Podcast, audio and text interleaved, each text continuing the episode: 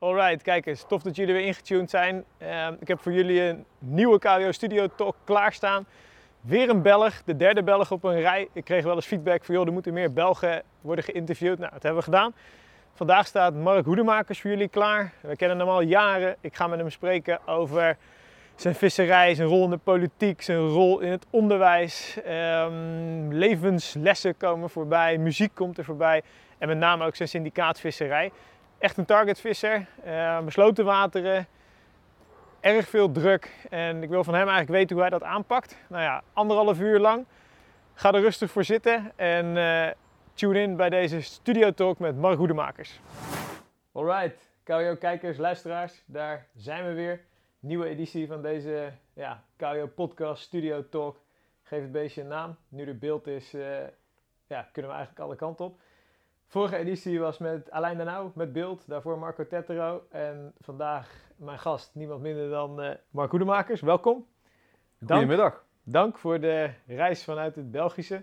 We zitten nog steeds, jongens, in uh, ja, coronatijdperk. Natuurlijk, onveranderd. Um, we zijn allemaal klachtenvrij. We houden er rekening mee. Maar we willen deze content wel gaan produceren. Dus met respect voor maatregelen zitten wij op een ruime anderhalve meter met elkaar. Uh, Mark, ja, we kennen elkaar. Ik heb er gisteren over na te denken. Volgens mij inmiddels ook al 6, 7 jaar vanuit de Carper Scene. Um, heel tof dat je wil aanschuiven. Hij kwam net binnen, jongens, en toen zei hij: Wat ga jij mij in godsnaam vragen? Toen zei ik: Nou, wacht maar, daar komt nog wel wat naar boven.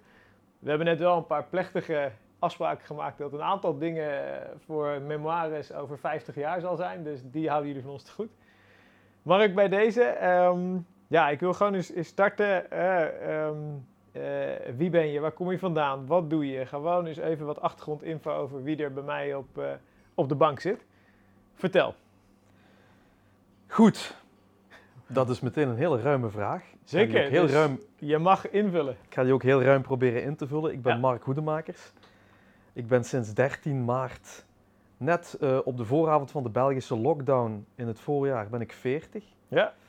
Uh, ik heb ondertussen een vrouw en twee kinderen. Amélie is uh, bijna zes en Len is bijna drie. Oh, wow. Um, ik werk al, al heel wat jaartjes um, in het onderwijs. Ja. Ik ben sportdocent. Um, ik zit ook een jaar of, hoe lang zal het zijn? Een jaar of, of tien in de gemeentepolitiek. Ja.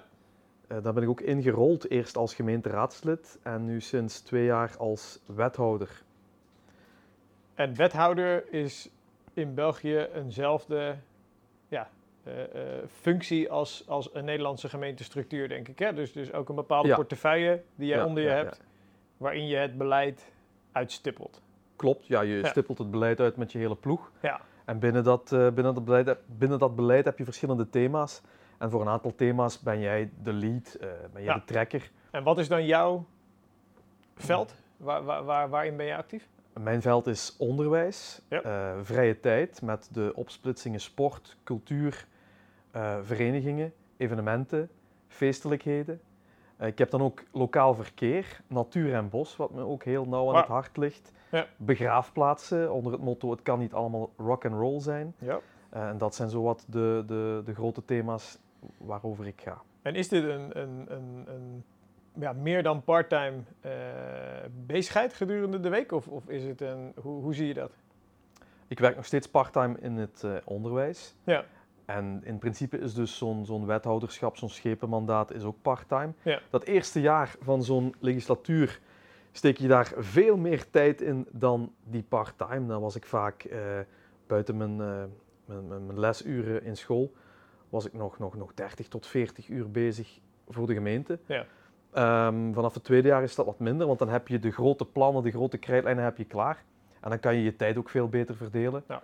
Uh, plus ik was nieuw, tenminste ik was nieuw in, in die functie. Ja. En dan wil je heel veel en dan wil je alles tegelijk en dan uh, heb je peper in de reet. En uh, uiteindelijk kom je dan ook wel weer jezelf tegen en ga je zeggen van oké, okay, ik ga het wat beter verdelen. Ik ga um, in plaats van slaaf zijn van de agenda, die agenda laten werken voor, voor mij. En ben je dan ook echt democratisch verkozen? Of hoe heb jij hierin jouw... ja, ja, uh, ja, ja, het is niet Noord-Korea. Nee, nee, het, is, het is echt... Uh, het is. België. Ik okay. ben inderdaad democratisch verkozen. Ja.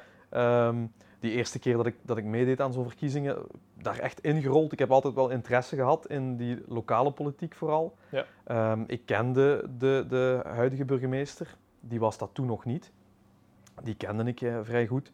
En die vroeg me op een eh, blauwe maandag, eh, ja, echt out of the blue, van eh, goh, hoe die gemeentepolitiek, zeg je dat Ja. iets? Wil jij meewerken aan, aan dat geheel? Zie je het zitten om, om eventueel daar ook je nek voor uit te steken door je te outen als iemand die wat bij onze ploeg wilt horen of, of, of hoort? Ik heb daar toen eens over nagedacht. Ik heb toen een, zo'n bestuursvergadering, vergaderingje of twee, drie, heb ik eens meegemaakt. En toen zei ik van ja, eigenlijk eh, de manier waarop dat die ploeg toen dat ook deed, vond ik, vond ik eh, dermate waardevol. Echt beginnen. De eerste, eerste agendapunten waren altijd van oké, wat, wat zeggen de mensen in de straat? Zijn er variapunten die wat mensen zeggen van eh, dat is belangrijk, ga Ja. daar eens mee aan de slag.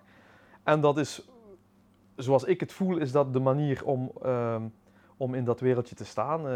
Je moet niet in een ivoren toren kruipen, je moet met je, met je twee voeten tussen de, mensen blijven staan. Ja. Of om de Ja. switch te maken naar de karpenwereld, je moet met je, met je poten in de modder blijven staan. Ja, eh, eventueel. En af en toe mag er gerust wat modder in die laarzen gutsen.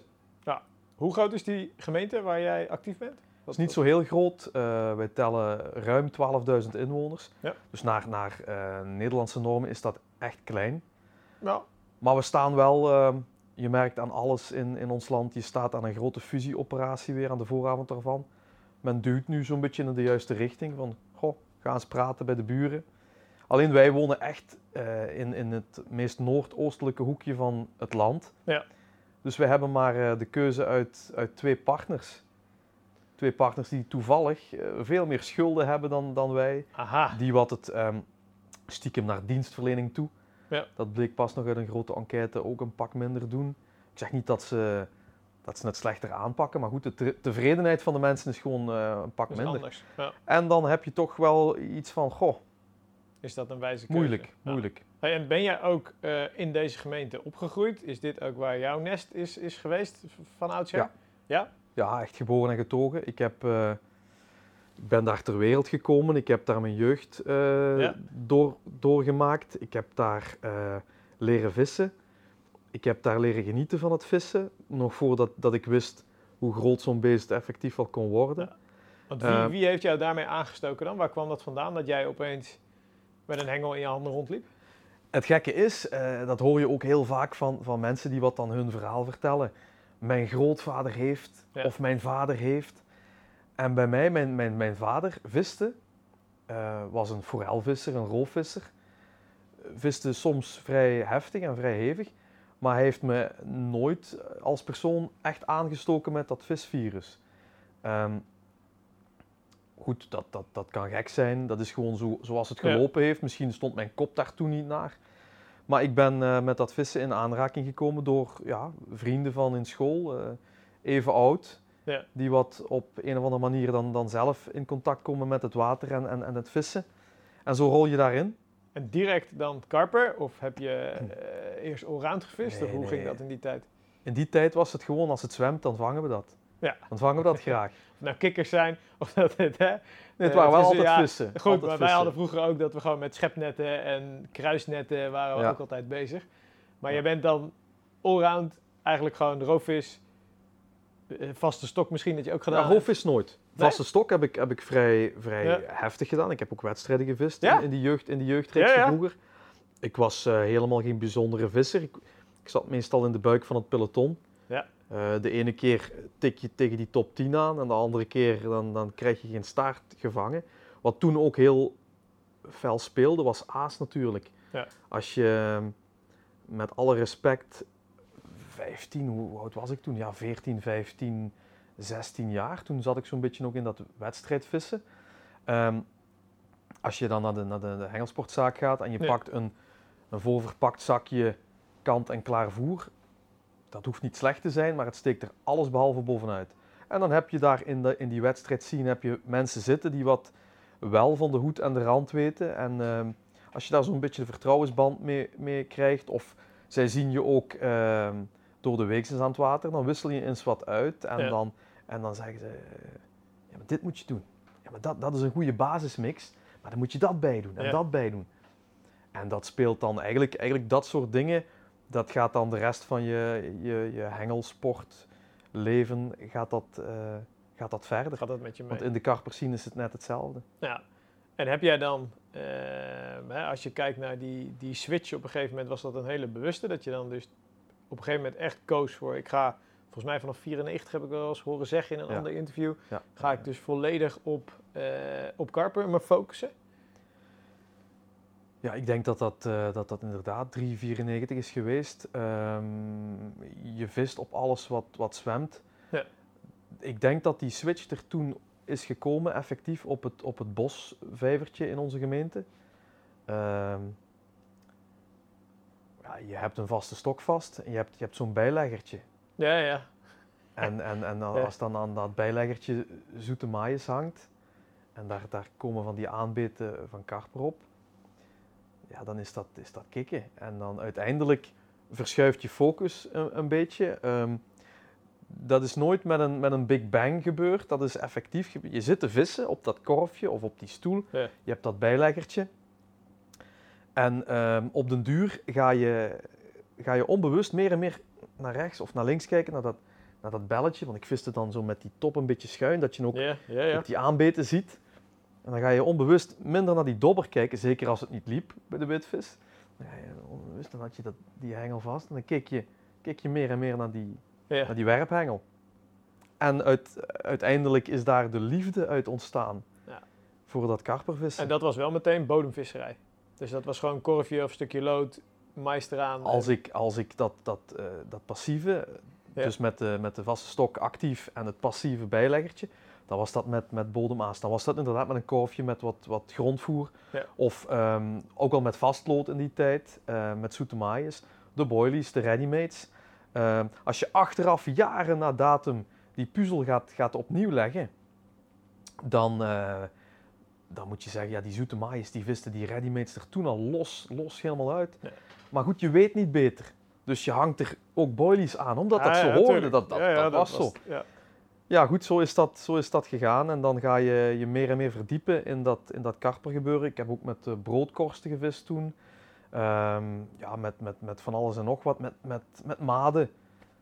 Niet omdat wij eh, dachten dat is beter, maar gewoon omdat alles wat, alles wat voorhanden was, Werd gebruikt als werd aas. gebruikt. Ja, ja. Je dacht er eigenlijk helemaal niet bij na. Je deed maar wat. Weet je nog in die tijd, waarmee begon jij met vissen qua bollen of zo? Was dat dan, ik viste volgens mij met eh, van die Nash Readymates die dan in van die blauwe zakken eh, zaten. Dat, dat waren volgens mij mijn eerste bollen. Weet jij nog waar jij mee viste toen je startte? Goh, qua merk. Ik weet dat ik ze ging halen Ja, toen in die tijd in eh hengelsportzaak De Snoek. de snoek. Ja, oké.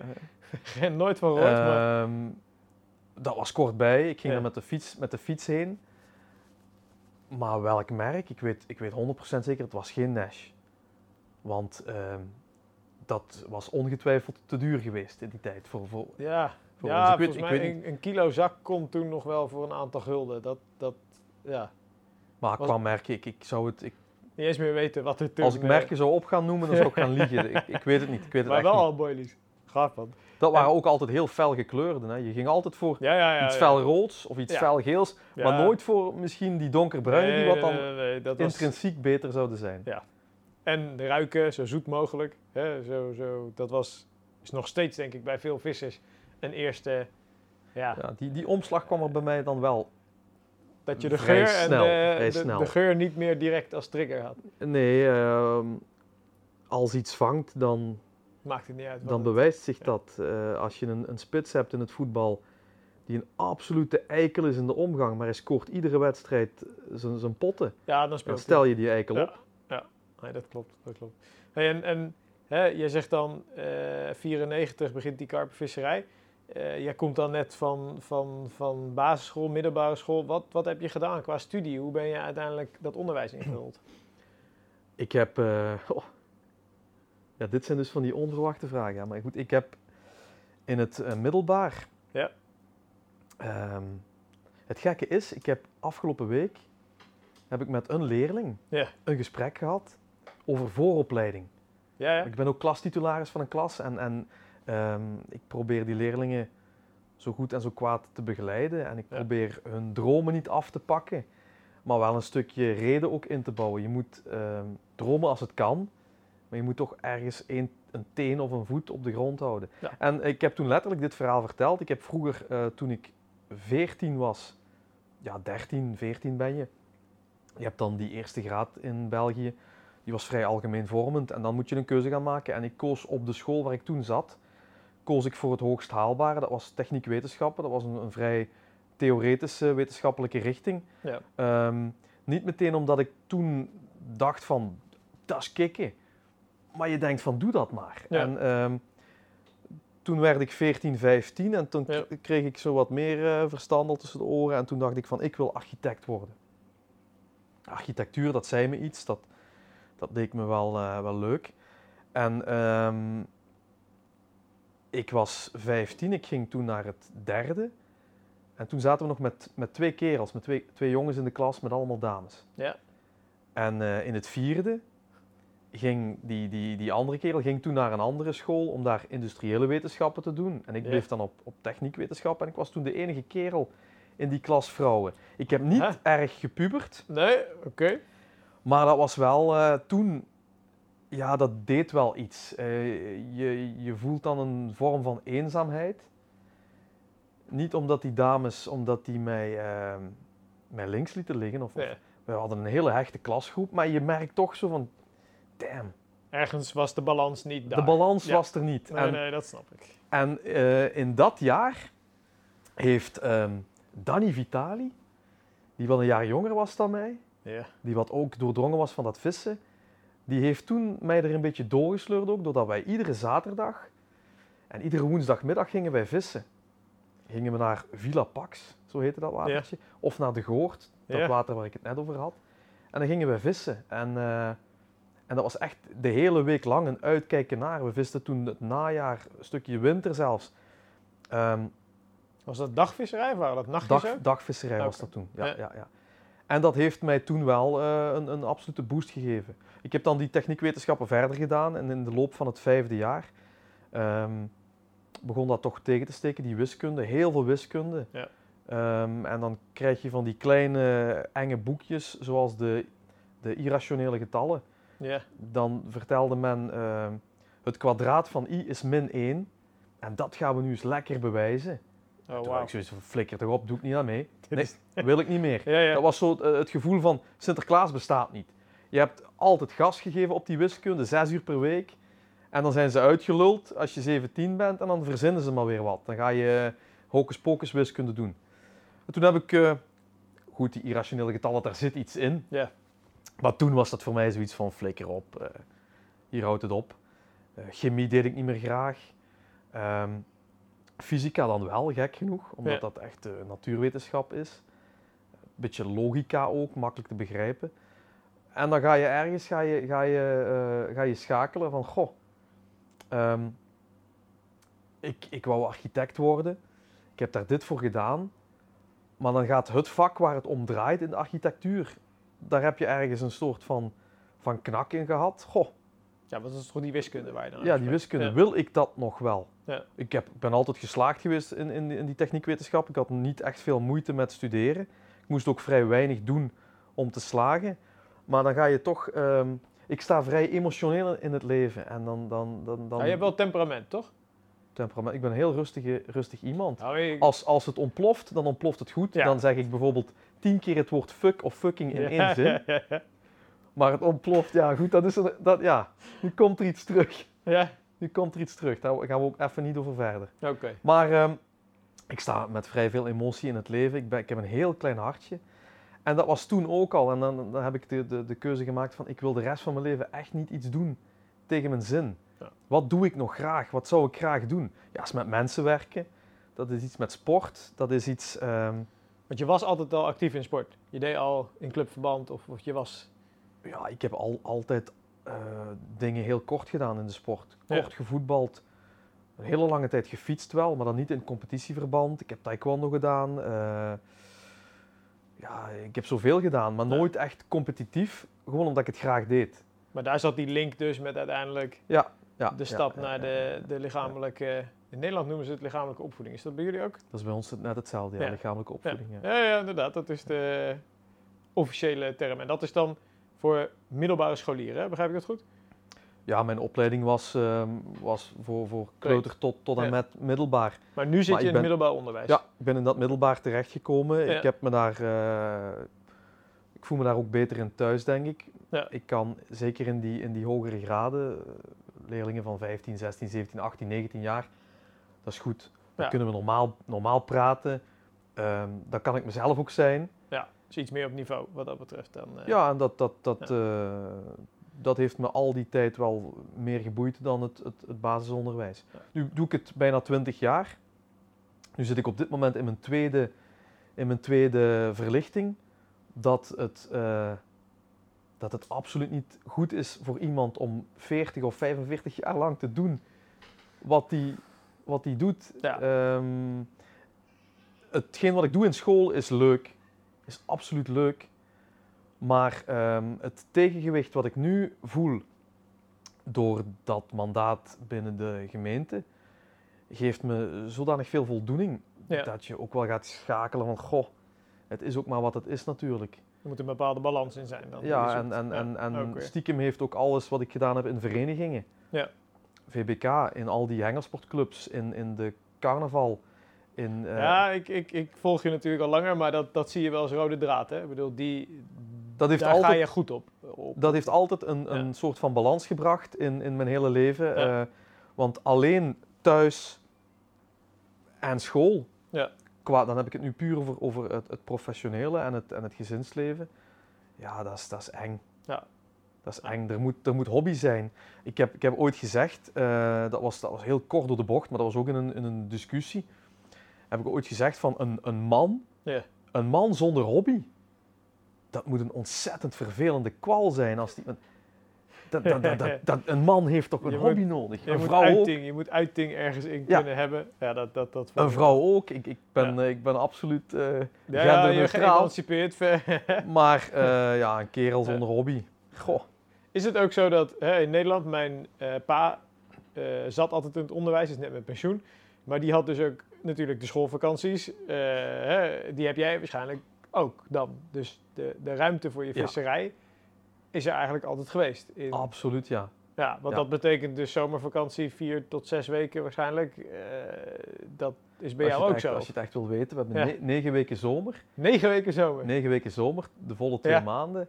eh, twee weken Pasen, ja. twee weken kerst. Wow. Een weekje in het najaar en een weekje met de carnaval. Dat komt ook nog perfect uit. Ha. Dus in totaal, in totaal, want ik krijg altijd het verwijt. Jullie hebben vier maanden vakantie. Nee, sorry. Het is drieënhalve maand, Ja. plus een aantal losse da- dagen.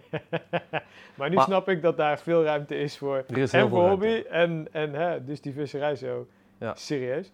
Ehm, ik wil eigenlijk het bruggetje even met je maken. Je gaf hem net al aan. Je bent natuurlijk voor een periode van 10 tot 12 jaar voorzitter geweest van het VBK. Ja, twaalf. 12 jaar in totaal.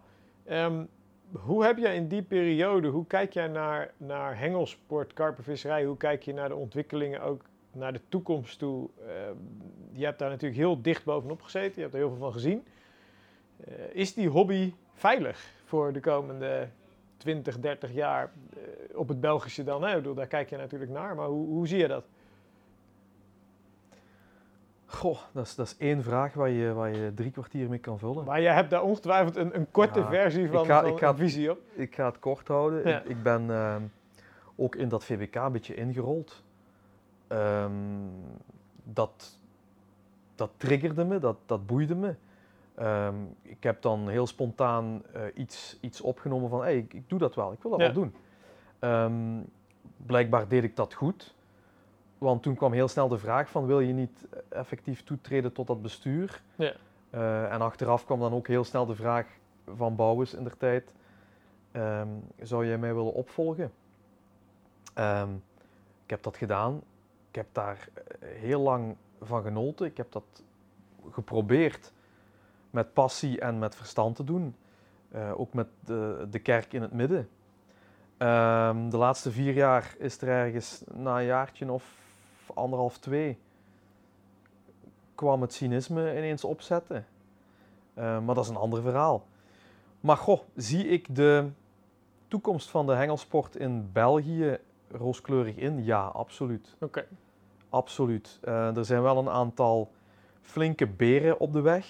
Ja. Ehm, en de twee grootste of de twee heetste hangijzers voor nu is het nachtvissen en is ehm, het feit van bereikbaarheid, dat dat, dat dat een heel groot thema is. Ja. Qua nachtvissen, pardon, qua nachtvissen komen we van ver.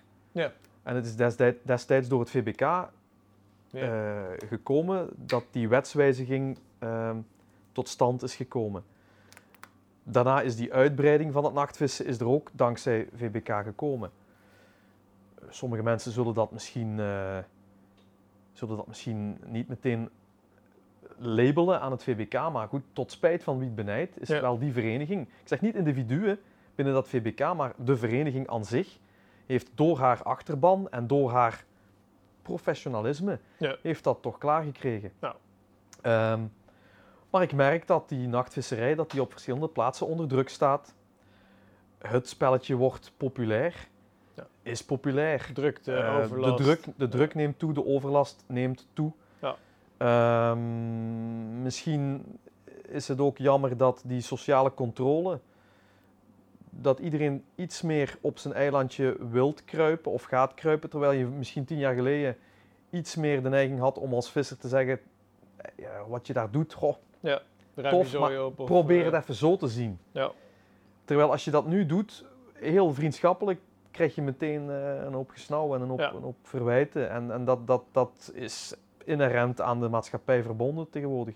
Die Ja. pol- eh, polarisering. Ja, ja, zeker. zeker. Ja, moet nog eens drinken misschien. Een woord wat je niet zo vaak hoort. Nee. Nou ja, polariserende zonnebrillen hebben wij. Maar, Ja. Ehm, ehm, maar vanuit de politiek is in België dus eh, hè, die toekomst van de karpenvisserij.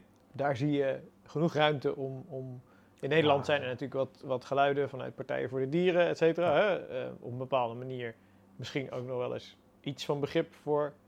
Maar goed, ook respect voor een hobby die met heel veel liefde en heel veel respect voor de vissen door ons wordt beoefend, denk ik. Hè? Ja. Eh, maar daar is in België, zie jij nog niet. Nee. Wij hebben, wij hebben ook Partij van de Dieren. Ja. Een beetje gegroeid als appendix van de, de Nederlandse partij hier. Ja, ja, ja, ah, ja, oké. ja. Ja, ja. Ja, toch wel. Maar ehm, bij ons is die partij vrij ehm, marginaal. Dan heb ik het niet over, over, ehm, over visie, maar over, over grootte. Omvang, ja, Ze komen niet ik. eens aan de kiesdrempel. Nee. Maar goed, die eh, partij heeft inderdaad een aantal eh, extreme standpunten. Ik noem Ja. ze bewust extreem. Ehm, wij zijn hier in, in, ehm, in het westen van Europa. Staan we waar we staan door, ehm, door nadenken. Door niet in extreme te denken. Denk niet links, denk Nee, nee, niet rechts, denk en- na. Nuances. En, De verlichting, de nuance, de kerk in het midden. Dat heeft ervoor gezorgd dat wij eigenlijk, ja, je moet het zeggen hoe het is, Ja. een van de betere regio's, zo niet de beste van de wereld zijn. Ja. Ehm, die partijen zoals ehm, Partij voor de Dieren of eh, het Forum voor de Democratie met eh, Thierry Baudet. Ja. Stiekem vind ik ah, dat jij bent goed geïnformeerd. Dat, ja, eh, goed, ik mag dat zeggen. Ik ben, ook, ik ben ook helemaal niet gebonden. eh, Nee, nee, nee, dus ik, kan- ik mag gerust zeggen dat ik Thierry Baudet, Ja. Die heeft ook hele enge, rare ja, ideetjes. kwestie van man, eh, eh, de verhouding man-vrouw alleen al. Dat zegt heel veel over, over zo'n People the Clown. Ja. Ehm, maar dat zijn, dat, het is goed dat die, dat die meningen er zijn en dat die geuit kunnen worden. En als je al die meningen optelt, dan heb je ergens, en dat komt uit de wiskunde van vroeger, Ja. een gemeenschappelijke deler. Ja. En het is eh, die gemeenschappelijke deler die wat je altijd moet nastreven, waar je ook altijd maatschappelijk draagvlak vindt. Mhm. En als je als eh, individu, als vereniging, als maatschappij daarvoor staat, dan, dan roep je automatisch die excessen, Ja, ja, zoals een en- Partij voor de Dieren, roep je een halt toe. Ja. Ehm, dan kan je die ook met, met argumenten, met eh, reden, met rust, Ja. kan je die eh, ergens een halt toeroepen. En ik zeg nogmaals niet dat ze geen punt hebben als het gaat over, ehm, over proeven op dieren, over, eh, over, over bond, Ja. nerts. Nee, natuurlijk, er zijn daar genoeg standpunten waar echt iets voor te zeggen is. Maar goed om te horen dat in ieder geval in België die dat jij daar vanuit jouw rol als, als politicus, maar ook vanuit je rol vanuit het VBK in het verleden, dat je daar nog niet te maken hebt met eh, allerlei politieke kwesties die die hengelsport Nee. ook... eh, Maar het, ik ben er wel van overtuigd dat het komt. Ik denk dat we switch moeten gaan maken naar, eh, naar je visserij ook, Mark. Dat is uiteindelijk waarom, Ja. we, waarom we hier zitten. Ehm, en toen ik daar van de week over nadacht, toen ik natuurlijk mijn, mijn interview aan het voorbereiden was, dacht ik van misschien is het goed om eerst even een beeld te schetsen eh, hoe jouw visserij er eigenlijk momenteel uitziet. Ik ken je veel als, als syndicaatvisser, hè, maar ik vroeg me heel erg af, is er bijvoorbeeld een, een onbekende Franse visserij, lonkt het Nederlandse wel eens? Hoe, hoe, hoe beleef jij je visserij? Waar, waar speelt zich dat af? Op dit moment eh, speelt zich dat eigenlijk louter af op een, een, een handvol syndicaten. Eh, Ja. Ook omdat ik veel minder tijd heb dan vroeger. Ja. Eh, je hebt ook vaak s'avonds heb je, heb je lange vergaderingen. Dus ehm, ja, het is goed of het is makkelijk dat ik dan kan terugvallen op die zekerheidjes. Dat je naar water gaat, dat je je ding kan doen. Ehm, en Zijn dat je- dan vier, vijf wateren waar je nu... Hoe, hoe moet ik dat zien? op, dit moment eigenlijk twee watertjes die ik frequent nog bevis. Ja. Ehm, er is wel wat mogelijkheid, mogelijkheid om, om ook uit te wijken, maar die eh, wateren laat ik op dit moment nog links liggen. Nou, en is, is dat wel dan dat je eh, structureel doorvoert? eh, elke nacht, één, twee nachten, of elke nacht, elke week, één, twee nachten weet te vissen? Of hoe, hoe ziet dat ritme eruit bij jou? Dat is heel uiteenlopend. Ja. Ik ben na die lockdown in het voorjaar ben ik weer vol uit de, uit de eh, startblokken geschoten. En was het wel degelijk twee, drie nachtjes per week. Eh, met dan, als het eventueel kon, een beetje voorvoeren. Mhm. Ehm, maar dat water is dan heilakker, daar is het ook een pak drukker. Ja. Er zijn wat meer vergunningen eh, door de jaren heen uitgeschreven. Er komen meer gastvissers.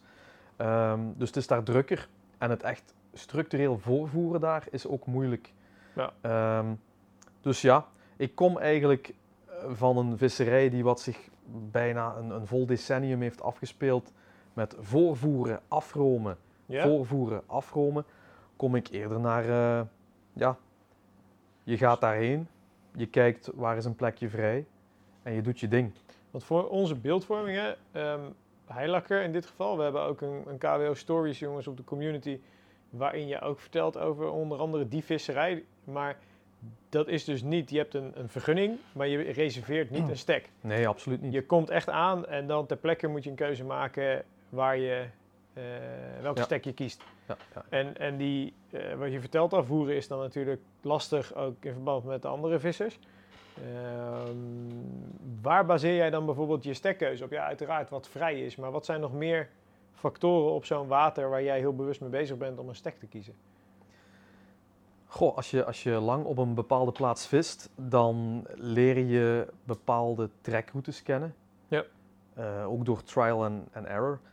En door het eh, afvissen van een heel aantal stekken. Plus, ehm, als je ergens aan het vissen bent en iemand anders zit op een andere plaats en je kan na verloop van tijd verbanden leggen van als ik daar zit, Ja. dan kan je die plaats lam leggen of dan, dan snij je bepaalde routes af. Ja. Dat merk je aan vangsten van collega's. Ehm, dan, dan is het eigenlijk een heel makkelijk puzzeltje. Het duurt wel eh, enige tijd voor je zo'n puzzel kan leggen. Ja. Maar als je dat eenmaal voor je hebt, dat beeld, dan is dat een absolute, absolute pre. Ehm, waar baseer ik me nog op? Hoe staat de wind? Hoe staat de wind al dagen? Ja. Ehm, is er een weersomslag? Is er een bepaald jaargetijde dat, dat prominent aanwezig is? Eh, iedereen weet ongetwijfeld in het voorjaar warme, ondiepere stukken warmen gewoon eerder Mhm. op. Ehm, ja, die vissen zoeken de warmte op. Het is Ja. een koudbloedig dier. Als je, als je het dier, als je de, de biologie een beetje be- begrijpt, als je eh, de wet van Pavlov een beetje begrijpt, eh, qua, qua voeren, qua, qua lijndruk, qua, qua rust geven eh, en, weer, en, weer, en weer druk zetten, Ja.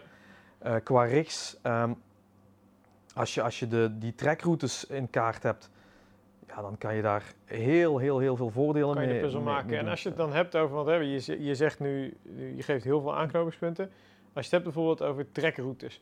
Ehm, je hebt dus op een gegeven moment, na loop der jaren, heb je dus weten te, ja, weten te, te, te uitzoeken hoe dus die vis in een bepaald jaargetijde over zo'n plas heen trekt, als het ware.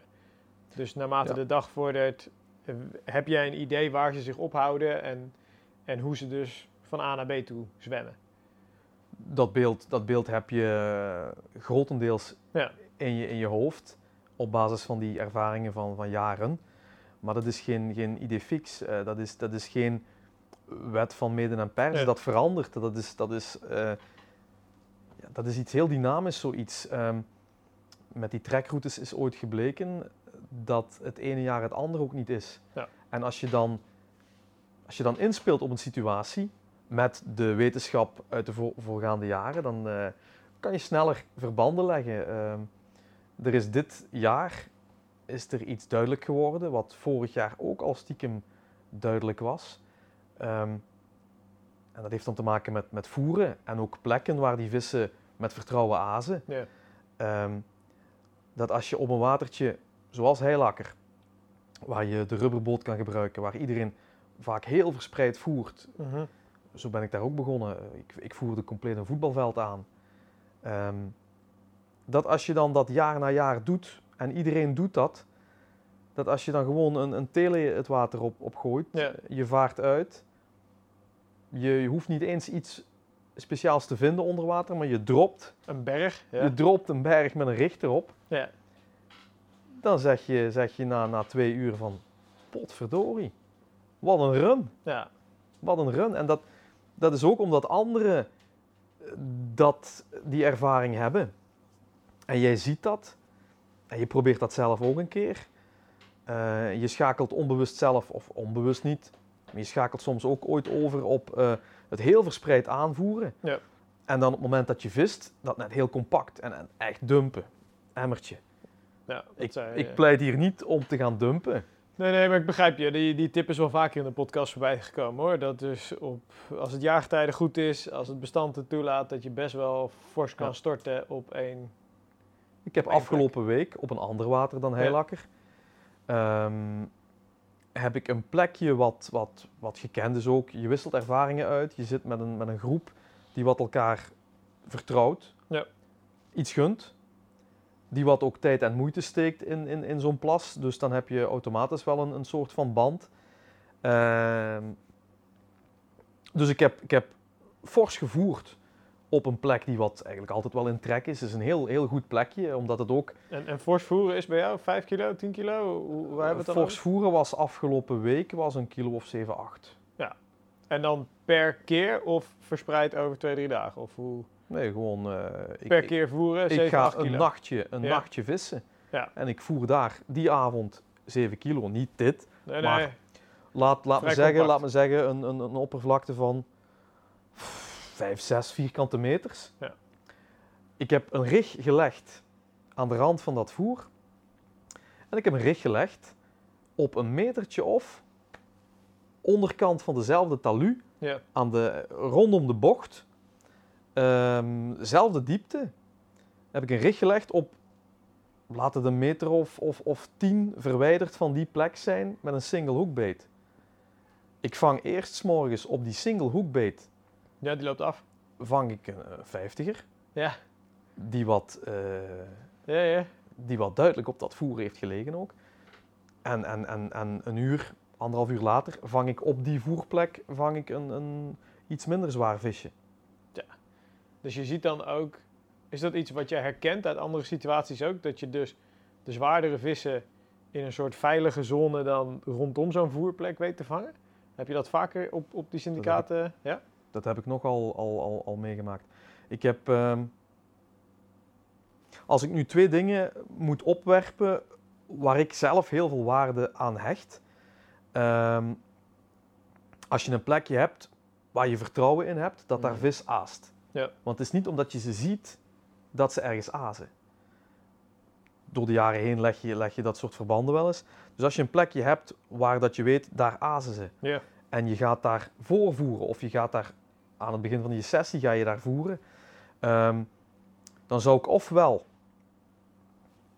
twee hengels heel scherp in dat voer vissen, aan de rand van dat voer Mhm. vissen. Eh, of ik vis er eentje, maar dan niet echt op het voer, maar een aantal meters eruit. ja. Het gaat nu dan wel over eh, de geëikte plekjes, de hotspots, zoals de mensen dat noemen. Ehm, dat gaat niet noodzakelijk op voor plaatsen waar dat veel minder hengeldruk is of waar dat zelden Ja, gevist goed, dan zou je hem ook... Het gaat echt over op die syndicaten, die vaste, die, die, de, de usual suspects, de hotspots. Ja. Ehm, het, het, het, het ding is, als je er twee hengels zeer scherp op vist en je, je krijgt een aanbeet op één, dan zie je wel eens, ehm, ook dit is geen wetmatigheid, maar je Ja. ziet het wel eens, dat eh, nog voordat je de, de vis die wat dan die eerste aanbeet heeft, heeft veroorzaakt, nog voordat je hem goed en wel in het net hebt of in de sling, loopt die andere af. En dat is, dat is vaker dan gemiddeld. Ja. Is dat een vis die zich zelden laat strikken? Of een zwaardere vis, wat heel vaak hetzelfde is, omdat die zwaardere vissen, die zijn vaak ouder.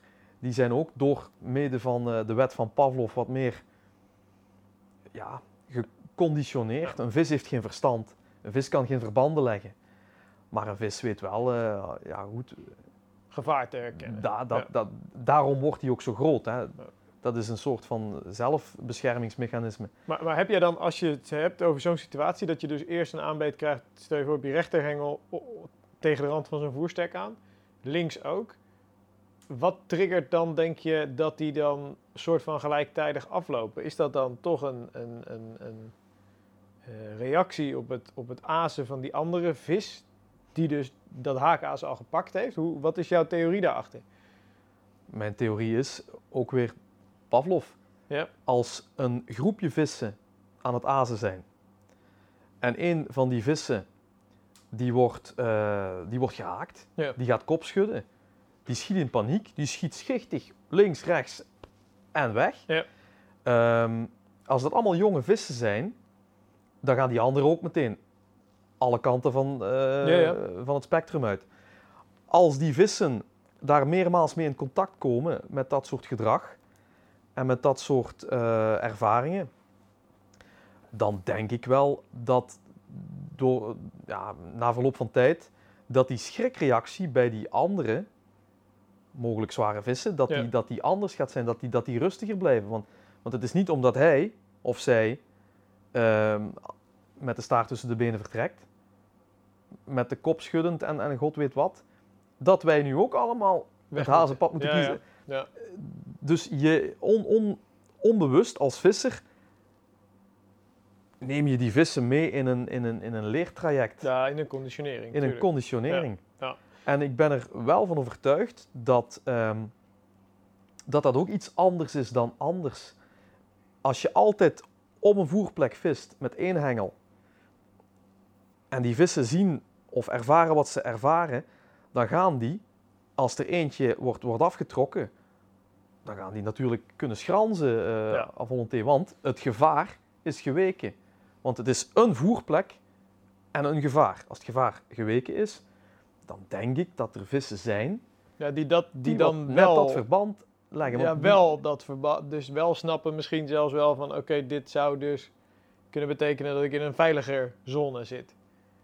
Het is het belletje. Ja, Het is nog, ja, het, het, het is, ja, is heel joh, interessant. met de honden van kom maar eten. Eh, het, het belletje. En als, Ja. als dat belletje dan die vis is wat schichtig wegschiet, Ja. dat is het belletje. Dan, eh, de hond ging dan kwijlen, maar dan gaan die vissen wel eens azen, denk ik. En het, eh, het is niet alleen mijn ervaring, maar nogmaals, je spreekt met collega's. Je hebt eh, na 25 jaar karpervissen heb je een heel goed contact met een aantal mensen. Ja. Waar ja, heel je, ziet dat, je ziet dat terug. En, en zie je dan ook dat, eh, dat vaak bepaalde vissen ook, ook zijn? Alleen zei in de vorige video heel erg van hè, elke vis is een individu, eh, uniek gedrag. Je hoort natuurlijk ook Hmm. vaker verhalen van hè, als die vis gevangen wordt, wordt vaak die vis gevangen. En bepaalde vissen laten zich makkelijker Ja. strikken. Jij ziet dat ook echt als, als individueel gedrag van vissen. Als je ze bijvoorbeeld hè, net wel op zo'n voerstek, net erbuiten, die patronen herken je ook heel erg van jouw visserij. Absoluut, ja. Ja. Absoluut. En het, het, het feit dat iedere vis een individu is, Ja. daar ben ik 100% eh, akkoord met Alain zijn, zijn stelling. En ehm, ieder individu zal bepaalde gedragingen vertonen. En ik ben er ook van overtuigd dat op een plas met eh, geen of met weinig hengeldruk, dat eh, heel veel van die individuen dingen van groepsgedrag gaan overnemen als normaal gedrag. En hoe meer hengeldruk Ja. dat er op een plas heerst, hoe meer dat bepaalde individuen ook zeer individuele trekjes gaan krijgen en ontwikkelen. En, en vis jij dan ook heel specifiek in die syndicaatvisserij op bepaalde vissen en pas je daar je tactieken op aan? Of ben jij, vis je veel Hm. meer voor de actie, voor de, hè, de aanbeet in general? Of ben je echt wel aan het target vissen in die visserij? Ja, moeilijke vraag, omdat, omdat dat is geen ja-nee antwoord. Ehm, je gaat ongetwijfeld, ga je vangsten uit het verleden, ga je uitpluizen. En je, Ja. gaat, je gaat verbanden zoeken. Ehm, en in hoeverre dat dat mogelijk is, hou je daar rekening mee met die verbanden. Maar dat gaat niet altijd. Ehm, soms heb ik periodes dat ik gewoon ga vissen op het watertje van eh, de laatste vangst, Ja. wat ik net zei. Ga ik gewoon vissen om aanbeten te krijgen. En daar, daar rollen ze er wel tussen. Ja. Ehm, op heilakker probeer ik echt wel te schakelen van, goh, waar, waar, waar zou je net die laatste ja. kunnen verwachten? Om, om, ja, eh, En je voelt, hem, je voelt hem natuurlijk al aankomen. Die laatste, de mensen die jou denk ik wat intensiever volgen, weten dat je nog steeds, eh, ja, volgens mij één vis heel erg hoog op je verlanglijst hebt staan, hè? Ja. Eh, Mary, ehm, vertel daar eens, neem ons eens mee in, in, in het verhaal rondom die vis, jouw jacht op die vis. Wat, ben je er dichtbij geweest? Waar, waar verwacht je de komende seizoenen misschien wel je slag te kunnen slaan? Hoe, hoe is dat verhaal begonnen? dat verhaal is begonnen net zoals mijn, mijn hele verhaal op heilakker Ja. in, eh, in 2013, toen ik mijn ticket kreeg. Ehm, dan heb je een lijstje vissen wat je heel graag wil vangen. En het is eigenlijk bij elk water waar je, waar je voor de eerste keer aankomt, tenminste dat is mijn, mijn insteek dan, dan ga je vissen om zoveel mogelijk vissen te vangen. En die verbanden leggen en dat eh, kijken hoe je kan inspelen op die laatste wat je nog wil, Ja. dat komt dan wel gaandeweg. Ehm op heilakker heb ik het geluk gehad, want het is niet alleen het, het, het vissen en het nadenken over je visserij, het is ook geluk. Daar moeten we eerlijk in, in, Ja. in zijn bij elkaar. Ehm, heb ik het geluk gehad dat ik heel snel aan een rotvaart al die toenmalige grote vissen heb kunnen, kunnen vangen. Ehm, dan ga je sommige vissen ga je, ga je opnieuw vangen. Eh, eentje daarvan, Belus, eh, een spiegel met een, met een hele mooie hangbuik. Tenminste, ik vind een hangbuik Ja, wel mooi van tijd tot tijd. Ehm, en met een tweekleur. Ik denk dat ik dat beest zes, zeven keer, ik weet het niet meer. Ik, ik, ik, hoefde Ja. maar te komen en daar was die weer. Ja. Terwijl het ook een vis is, één keer per jaar, twee keer per jaar, Ja? maximaal. Wauw. Dus ik weet on- ongetwijfeld wel dat iets wat ik doe, iets wat, wat, ehm, waarover ik niet nadenk, Of wat in je aas wat in mijn aas. Ja. dat, dat spreekt die vis aan. Ja. Ehm, goed, ehm, ik denk dat het, dat het 2016 was. Het voorjaar van 2016. Dan, dan, dan ga je terugkijken op twee jaar heilakker. Niet aan een stuk. Een keer een najaar, een Mhm. keer een voorjaar.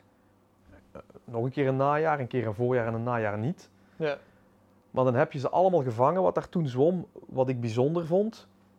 Ehm, en dan blijft Mary blijft over, Want dat was de vis uit de toplaag die je dan nog miste. die ik niet had. Ja. En dat was toen was het eigenlijk een modale veertiger.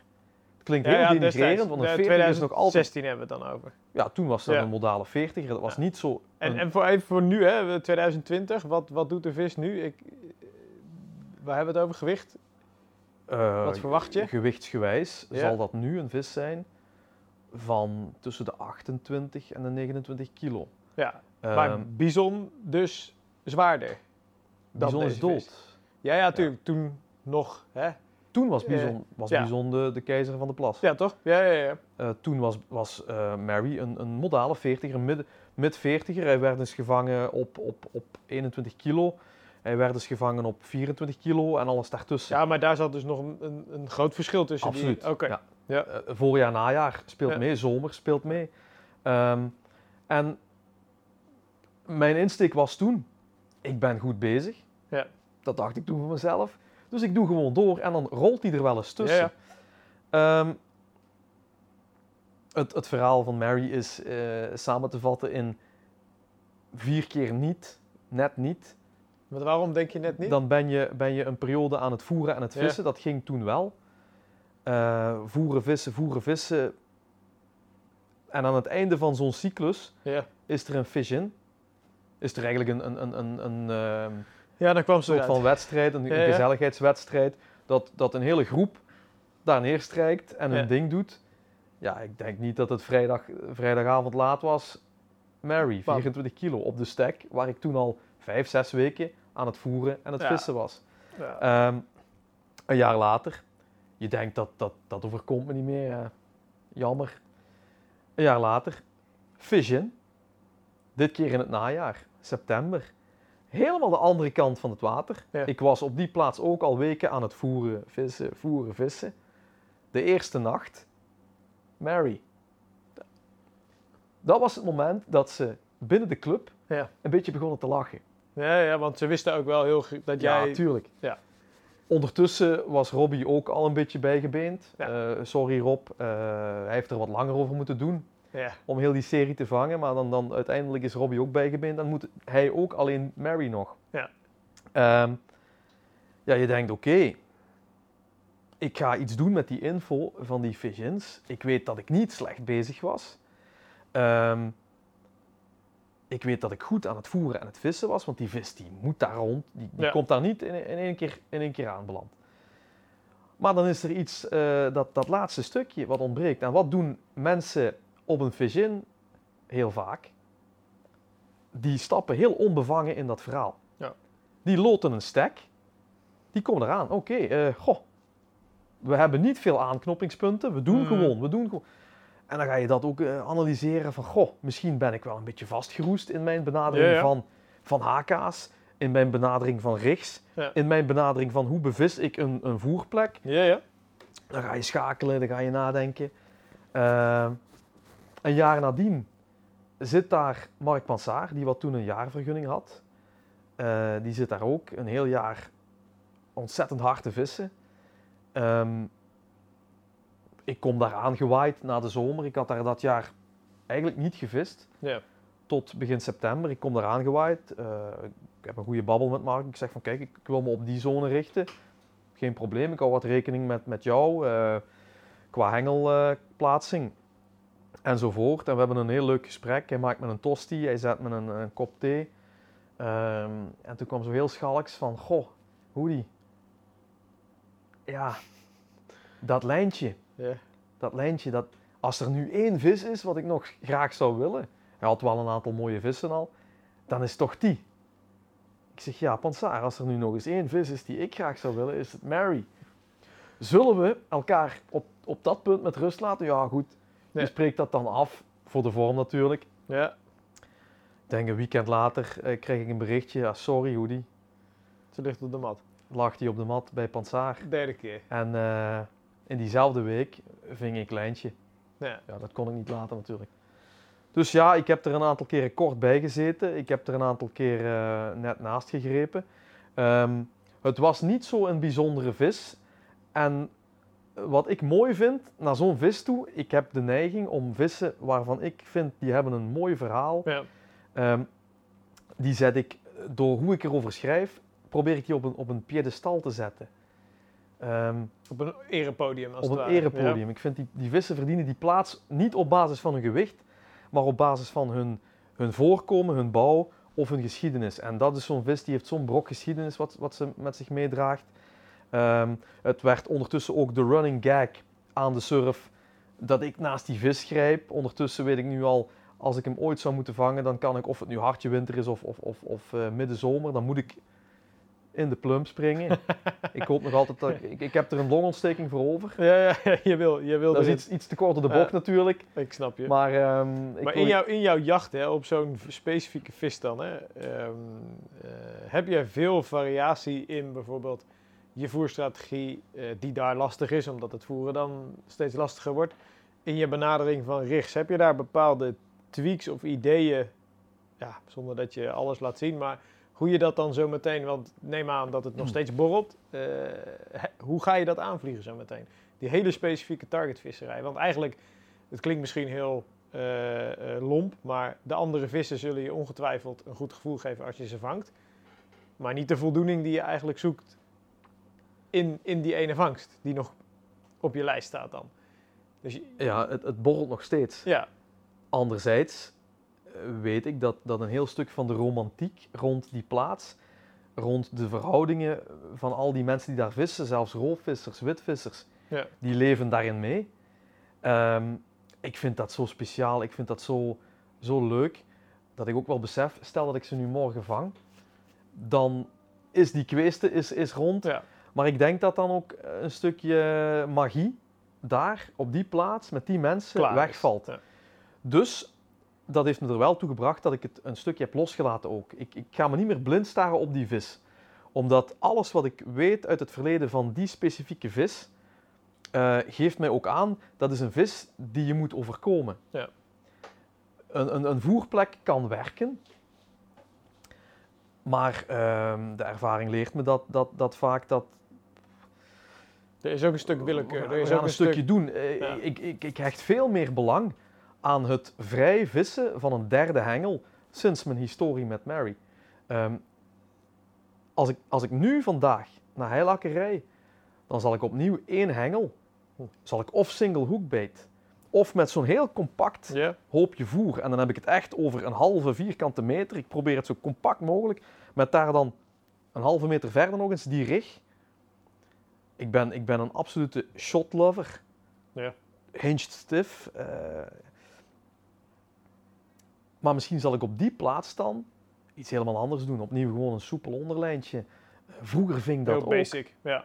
Heel Ja. basic. Va- varieer jij veel met richt sowieso in je visserij? Nee. Hoe technisch vis niet? Nee. Dus je zegt chop, hingstift, gewoon basic, normaal lijnen-lijnen richt waarschijnlijk. Dat Ehm. is, dat is je, jouw arsenaal, zeg maar. Daar, daar vis je mee, daar pak je mee uit.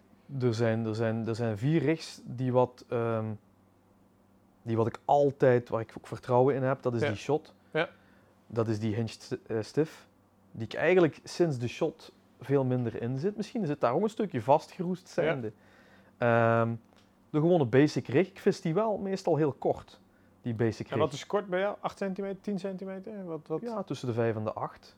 Oké, dus echt serieus echt, kort. Echt kort. Ja. Echt kort. Maar dan eh, bodemgesteldheid daar, gewoon keihard. Hard. Ja. Keihard. Dus dat Ja, anders dan gooi je je eigen geen enkel in. probleem om zo... eh, Eh, en dan een combi, gewoon een simpele combi met een blowback ringetje, met Ja. een beetje, beetje overloaded op het einde van het, het, het stukje stijf. Ja. Dat zijn, dat zijn rigs, daar heb ik alle vertrouwen in. Ehm, En waarom vis je hem zo kort? Is dat gewoon puur pakken hangen? Of wat, wat is daar je gedachte achter? ja, pakken hangen, ja. Oké, je wil geen enkele ruimte daar om... Nee, eh, nee. En, en je hebt wel... Je ervaring is dat er dus goed genoeg dat aas opgenomen kan worden. Dat daar toch wel voldoende spelingsruimte is. Ook met 5 tot 8 centimeter. Daar zorg ik voor. Om goed die haak te zetten. Eh, ik, speel, ik speel met zo'n rigje speel je natuurlijk met je, met je her. Ja.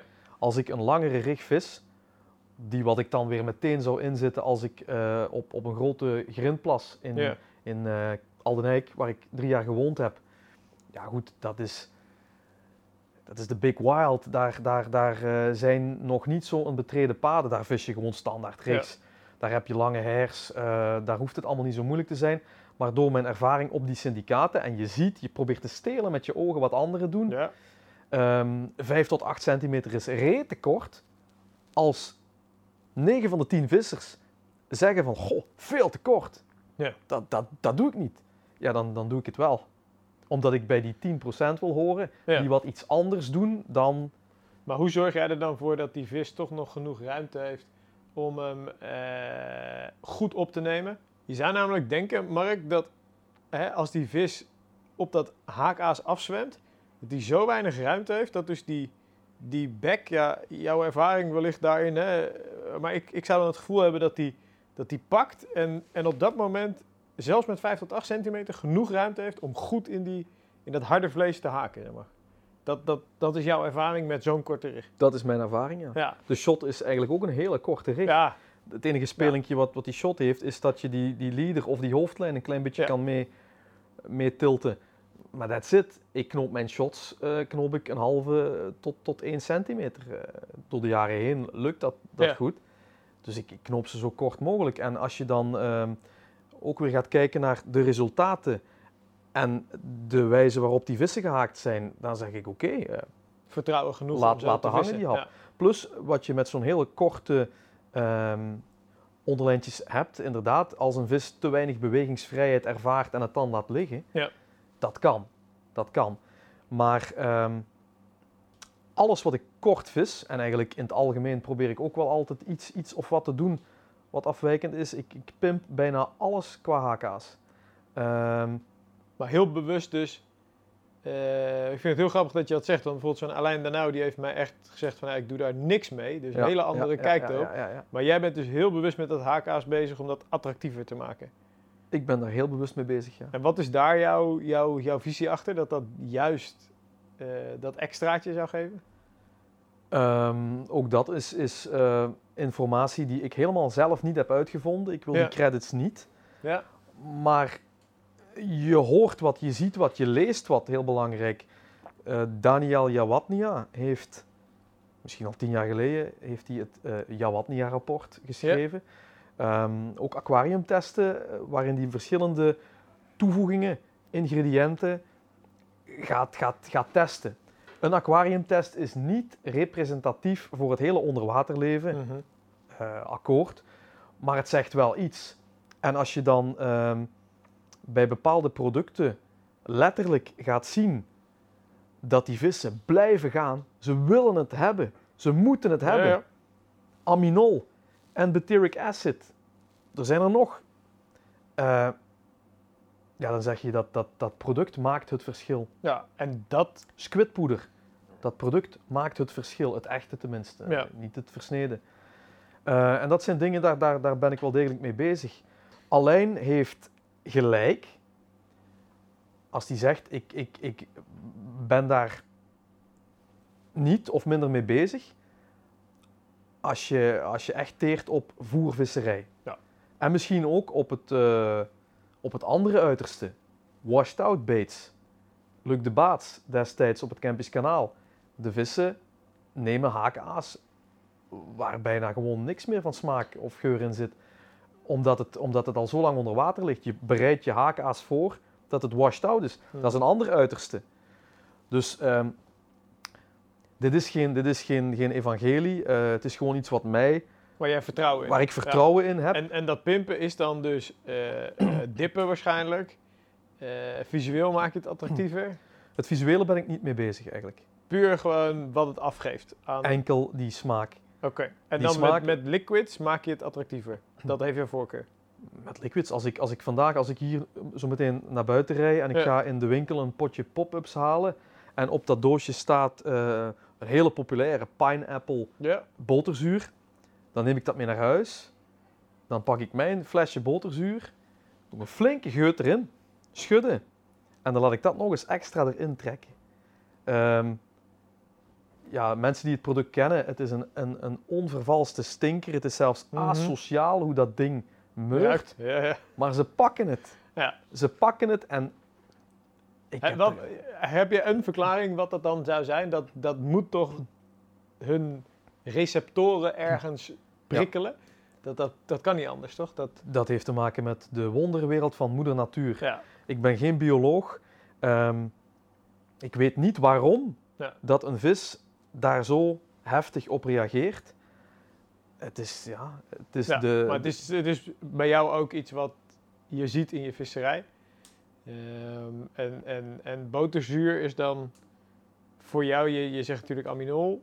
eh squidpoeder natuurlijk verwerkt in je aas dan waarschijnlijk. verwerkt in mijn aas. Ja. Ja. Als, En- en- eh, als, als Dennis Hellings, die wat eh, mijn aas tot op heden Ja. ehm, altijd verwerkt heeft tot boilies.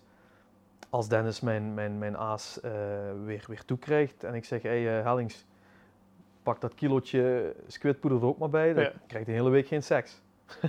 Dat kruipt, dat kruipt in je poriën. Ja, ja, het is al- eh, ja? Dat is zo een, een ontzettend sterk, goed Ja. product. Het werkt. Ehm, en zo zijn, er, zo zijn er meerdere producten. Eh, je hebt goed aas, je hebt slecht aas. En dan heb je goed aas met net dat tikkeltje meer. En daar zit het verschil. En kies jij dan vaak eh, inderdaad de hoek van de vismelen, eh vismeelbollen uit? Zit je vaak in, in die hoek qua aaskeuze?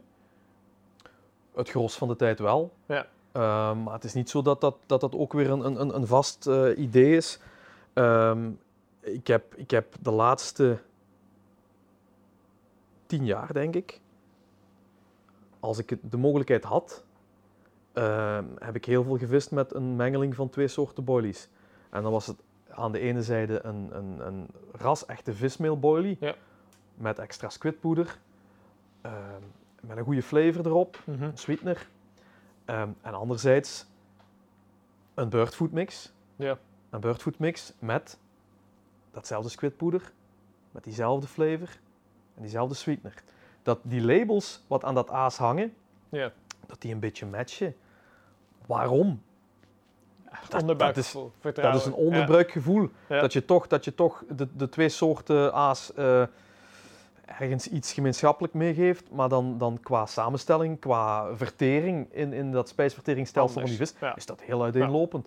Ehm, daar speelde ik dan zo mee dat in het voorjaar dat de, ehm, die vismeelbol wat de overhand had bij het voeren, Mhm. je schakelt dan wat iets, iets meer over naar eh, dat, dat vismeel. Ehm, sorry, zei ik net in het voorjaar, die birdfood had de overhand. En je schakelt bij, Nou, naarmate de watertemperatuur, naarmate dat eh spijsverteringsstelsel van die vis eh, overschakelt. En op het einde van het najaar is het gewoon, eh, ja, zoeken. En zoeken. heb, heb jij dan uit die visserijen dat je, als je nou één bol daarvan zou moeten vissen, de rest van je vissersleven, heb je dan een hele bewuste overtuiging van, nou dan ga ik toch voor die basis hè, birdfood, eh, licht te verteerbaar, of ik ga voor die hele voedzame, eh, hè, eh, zwaardere basis, namelijk dat vismeel. Heb je daar in je vangsten overal dat je een bepaalde,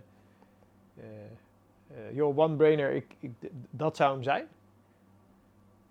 als ik, als ik de keuze zou moeten maken dat aas Of, de rest ja. van mijn carrière, dan zou ik, ehm, zou ik me absoluut gepluimd voelen, gemuilkorfd Ja. voelen, want dan laat je Ja. zoveel dingen liggen.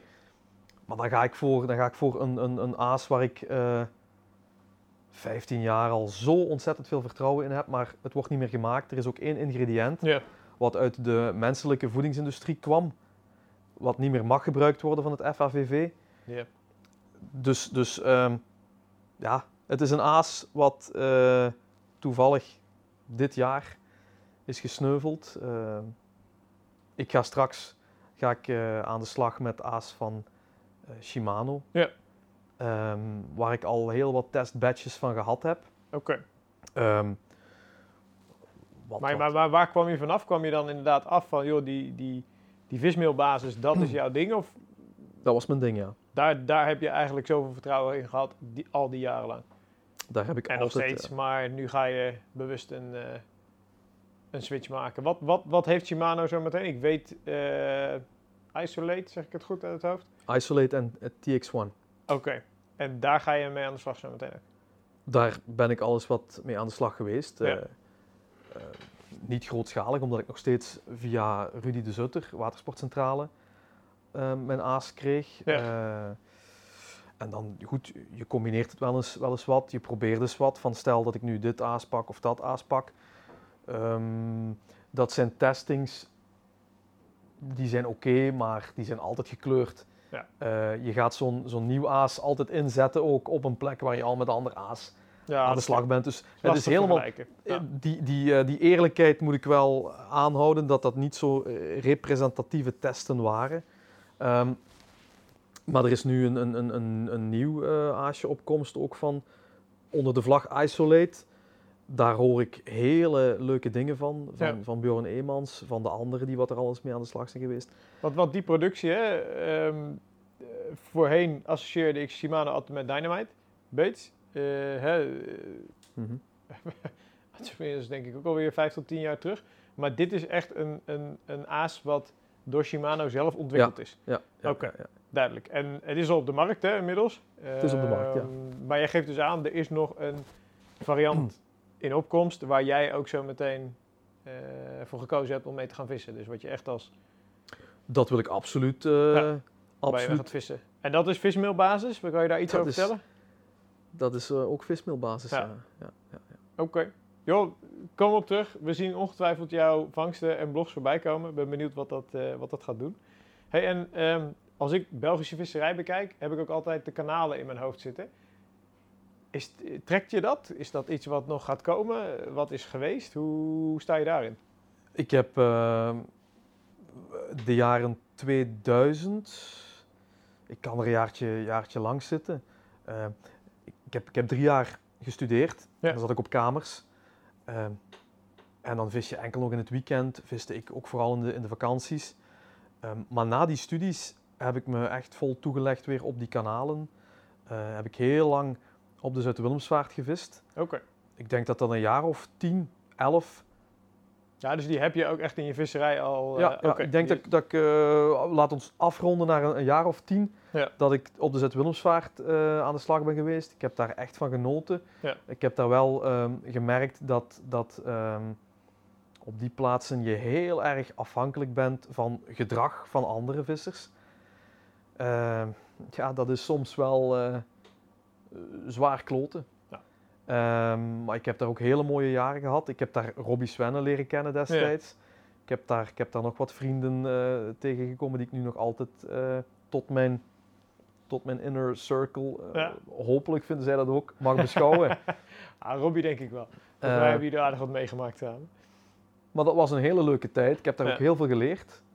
Ehm, ook daar komt het vaak op details eh, aan. Ja. Maar nogmaals, ik herinner me een winter.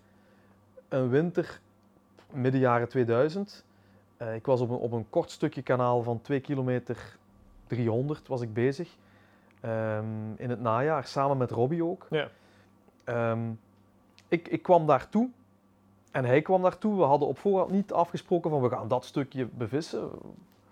Het was eind augustus, half Ja, augustus. eh, hey, eh, Robbie ook hier. Ja goed, dat is mijn plan. Die vis wil ik. Ik zeg ja, die vis wil ik ook en die andere ook. En ehm, ja, dan doe je dat dan een week of twee en dan merk je dat je, dat je toch eens moet praten. Dan hebben we gezegd van kijk, we gaan met hetzelfde voer gaan we vissen. We gaan een keertje op zondag gaan we buiten hetgeen wat we al weten, gaan we nog eens extra goed peilen.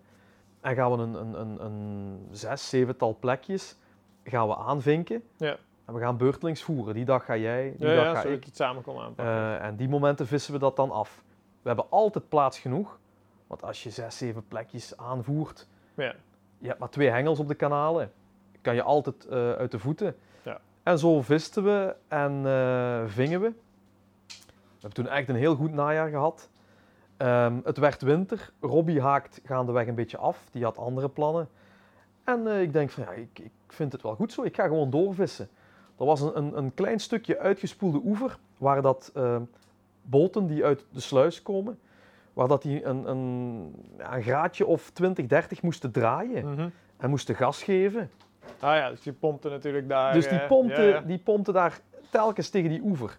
Ten eerste, je hebt daar een, eh, een stukje kanttalu wat, wat anders is dan, dan de rest van het kanaal, omdat daar die druk op komt. En ten tweede, het is altijd zuiver. Ik voerde daar, eh, ik viste daar, ik ving daar heel goed mijn vissen. Eh, het, het mocht noordenwind, noordenwind, eh, hartje winter. Ik ving daar vissen tegen dat Ja. stukje. Er was een ander plekje verderop in dat kanaal, een, een gat. En dat ben ik blijven aanvoeren die hele winter, winter lang. Was toen destijds op het oude KWO. Ja. Toen dat Bertil en Menno dat deden, eh, was er een stukje, ik denk dat het van Mits van der Kamp of, of, of iemand, over wintervissen. En dat ging dan ook over hoeveelheid zo laag mogelijk, maar wel routine. Ja, ja, Als het kan, dagelijks. Ja. En ik probeer dat zoveel mogelijk te benaderen. eh, ook die kleine, kleine beetjes, 100 gram in een gat. En eh, het werd voorjaar. En ik trok terug van dat stukje ehm, aan, dat, aan die sluis. Trok ik het, het, het verdere stuk op en ik eh, begon wel visjes te vangen. Toen viste ik met een rekkerig ook. Ja. Eh, een crime om te knopen, maar eh, het is in de kant, dus je gooit het nooit in de war. En ik ving daar, ik ving daar kleinere schupjes, ik ving daar kleinere vissen, maar ik ving. En het werd maart. En iedereen kwam, kwam opnieuw uit zijn winterslaap. De ene had al een grotere emmer dan de andere. Lang verhaal kort. Eh, alles wat ik die winter had opgebouwd, was weg. Ja.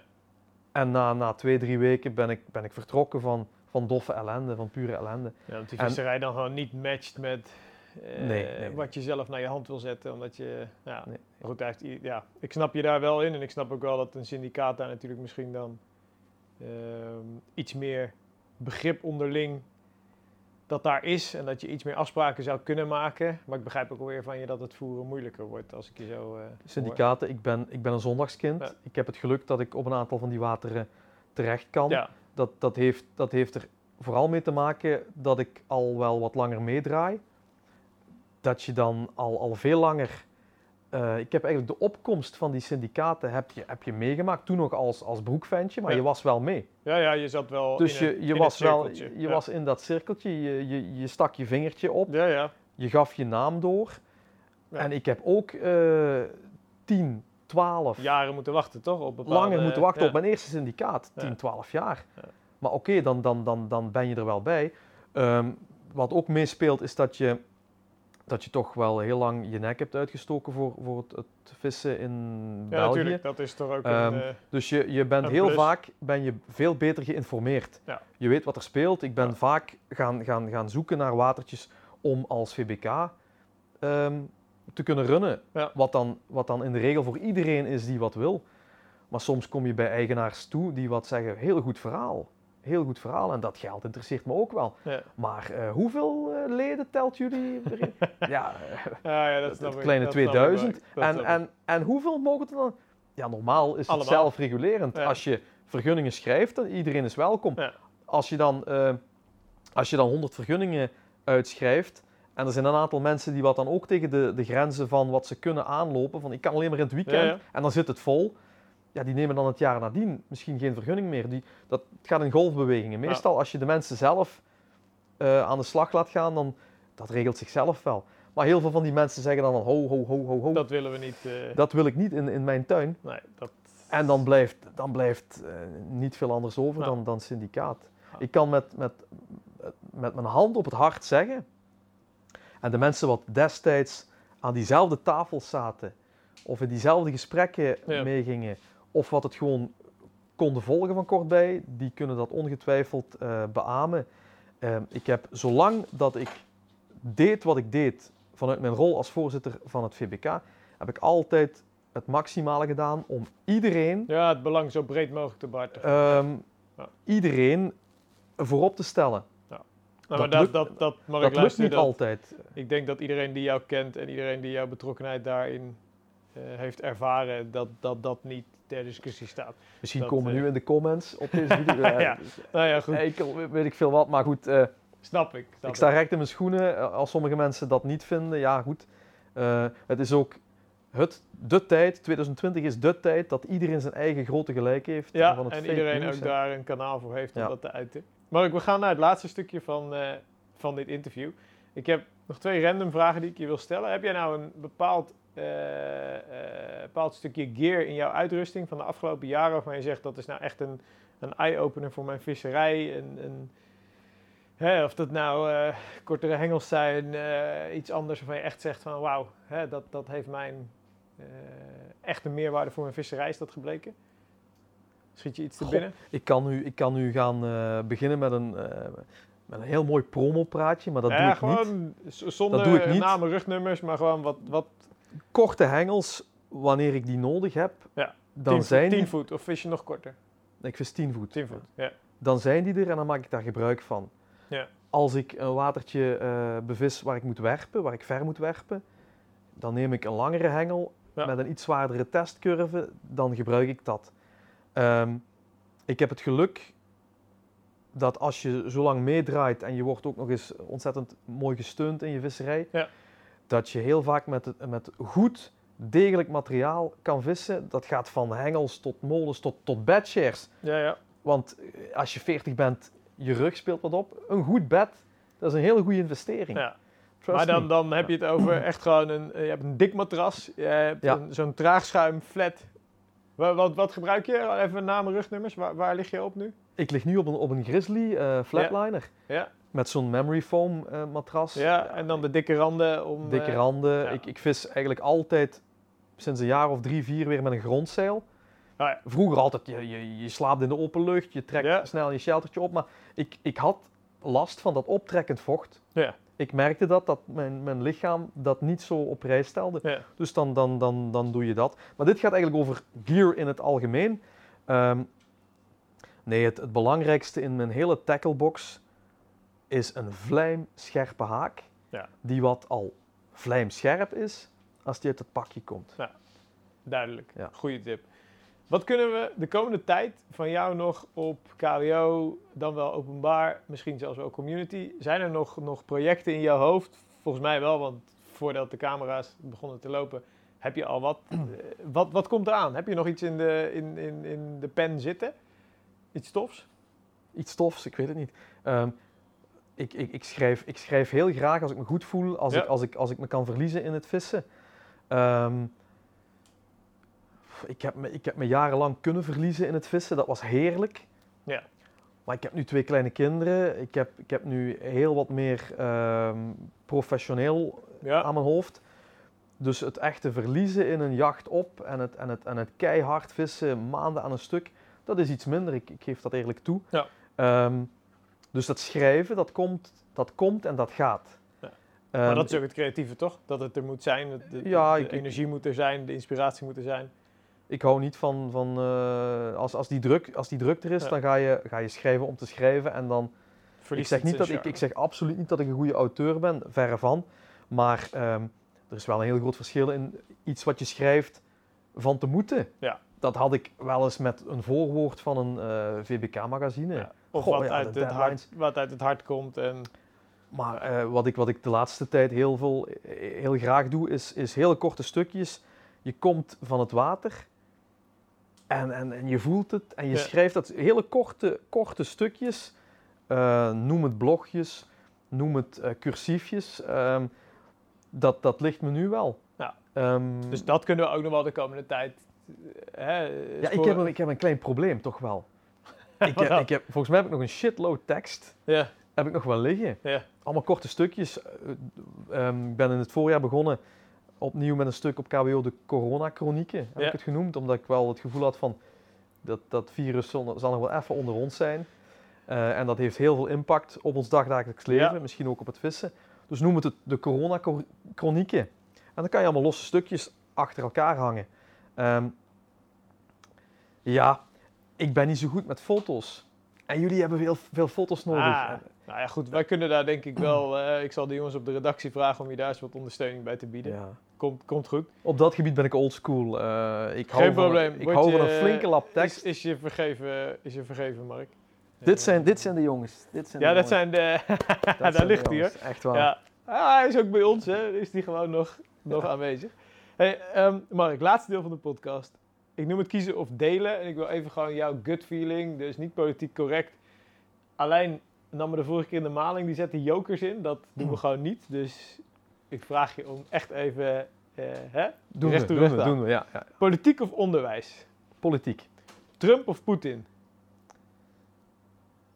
Ja, ik ga geen joker inzetten. Ik vind het allebei ontzettende eikels. Oké. Klootzak. Maar goed, als je er, hè? Eén van de twee. Eén Jij wou, jij, wou, jij wou geen politieke correctheid, dus ik geef je ze. Duidelijk. Onbekende 25 kilo schub of een bekende 30 kilo spiegel? Onbekende 25 kilo schub, liefst, waarvan nadien Ja. eh, heel wat underground info dan uitlekt, dat je het verhaal van zo'n vis kan eh, samenstellen. Weekje vissen of weekje met het gezin op vakantie? Een weekje met het gezin op vakantie, waarbij dat, eh, dat, eh, dat ook wat gevist kan worden. De Want mijn hengels mee dochter, zijn. mijn Ja? dochter eh, vindt het super. ja, ze vindt het mooi, Ja, zo ze gaat het vindt mee. het super, ja. Uitvaren of uitwerpen? Uitvaren. Banksticks, los of rotpot? Banksticks los, absoluut. Ah, de volgende weet ik eigenlijk wel. Zoet of vismeel, nog maar één bol. Vis. Vismeel dan, ja. Een rechte haakpunt of een lichtjes naar binnen gebogen haakpunt? Rechte haakpunt. Brasem of zilt, als het dan toch moet? Zeelt. Een targetvis als gelukje in je eerste sessie op de mat? Of die vangen na afzien en samenvallen van puzzelstukjes na een seizoenvissen? Wat denk je zelf? Ja, ik weet het niet. Misschien jacht. eh, de jacht. De Ja? jacht is mooier dan de vangst. En, en eh, als je later, ik heb gezegd 80 en dan bonuspunten. Ja, dus 90. En dan, en eh, dan 90 en je voelt dat het, dat het komt en je vertelt verhalen aan je, aan je kleinkinderen. dan zijn dit de verhalen Dan, dan die, zijn dat de verhalen die je, die je nog wil en kan vertellen. Want die blijven hangen, ook al word je lichtjes dement. Duidelijk. Kilo's of aantallen? Kilo's. Tesla of Ferrari? Ferrari. VBK-meeting of Karp Den Bos? VBK-meeting. Gevlochten Sorry, of Nick. nylon? Sorry, Mick. Geen probleem. Gevlochten of nylon? Gevlochten. Heavy metal of house? Heavy metal. En dan nooit meer vissen of nooit meer seks?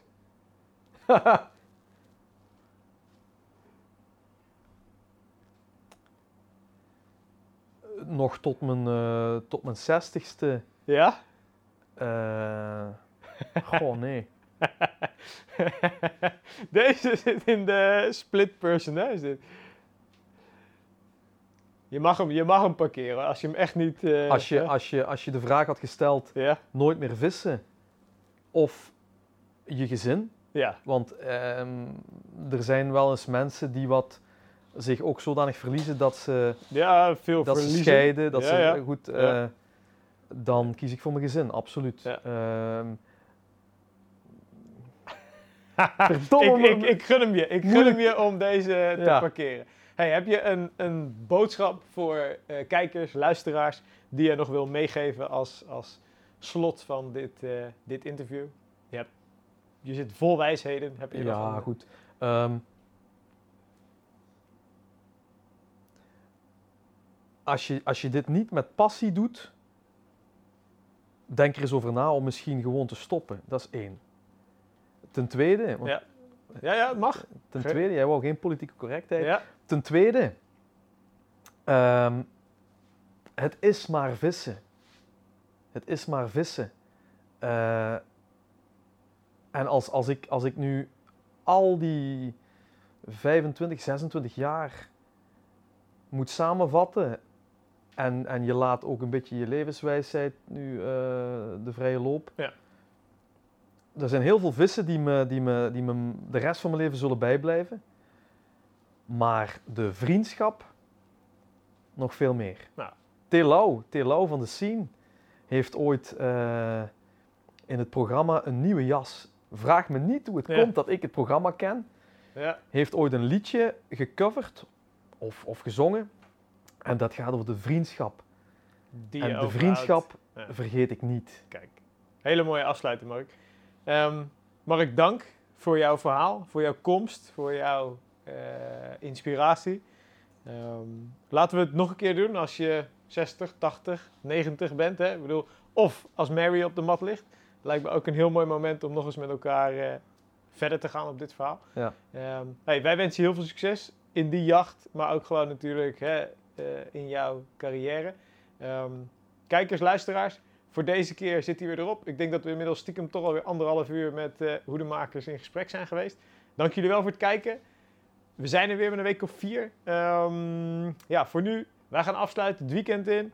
Houd je aan de coronamaatregelen. Hopelijk geen lockdown in België. Hopelijk kom je nog terug zometeen. Ja, En, het eh, zal wel lukken. Tot de volgende.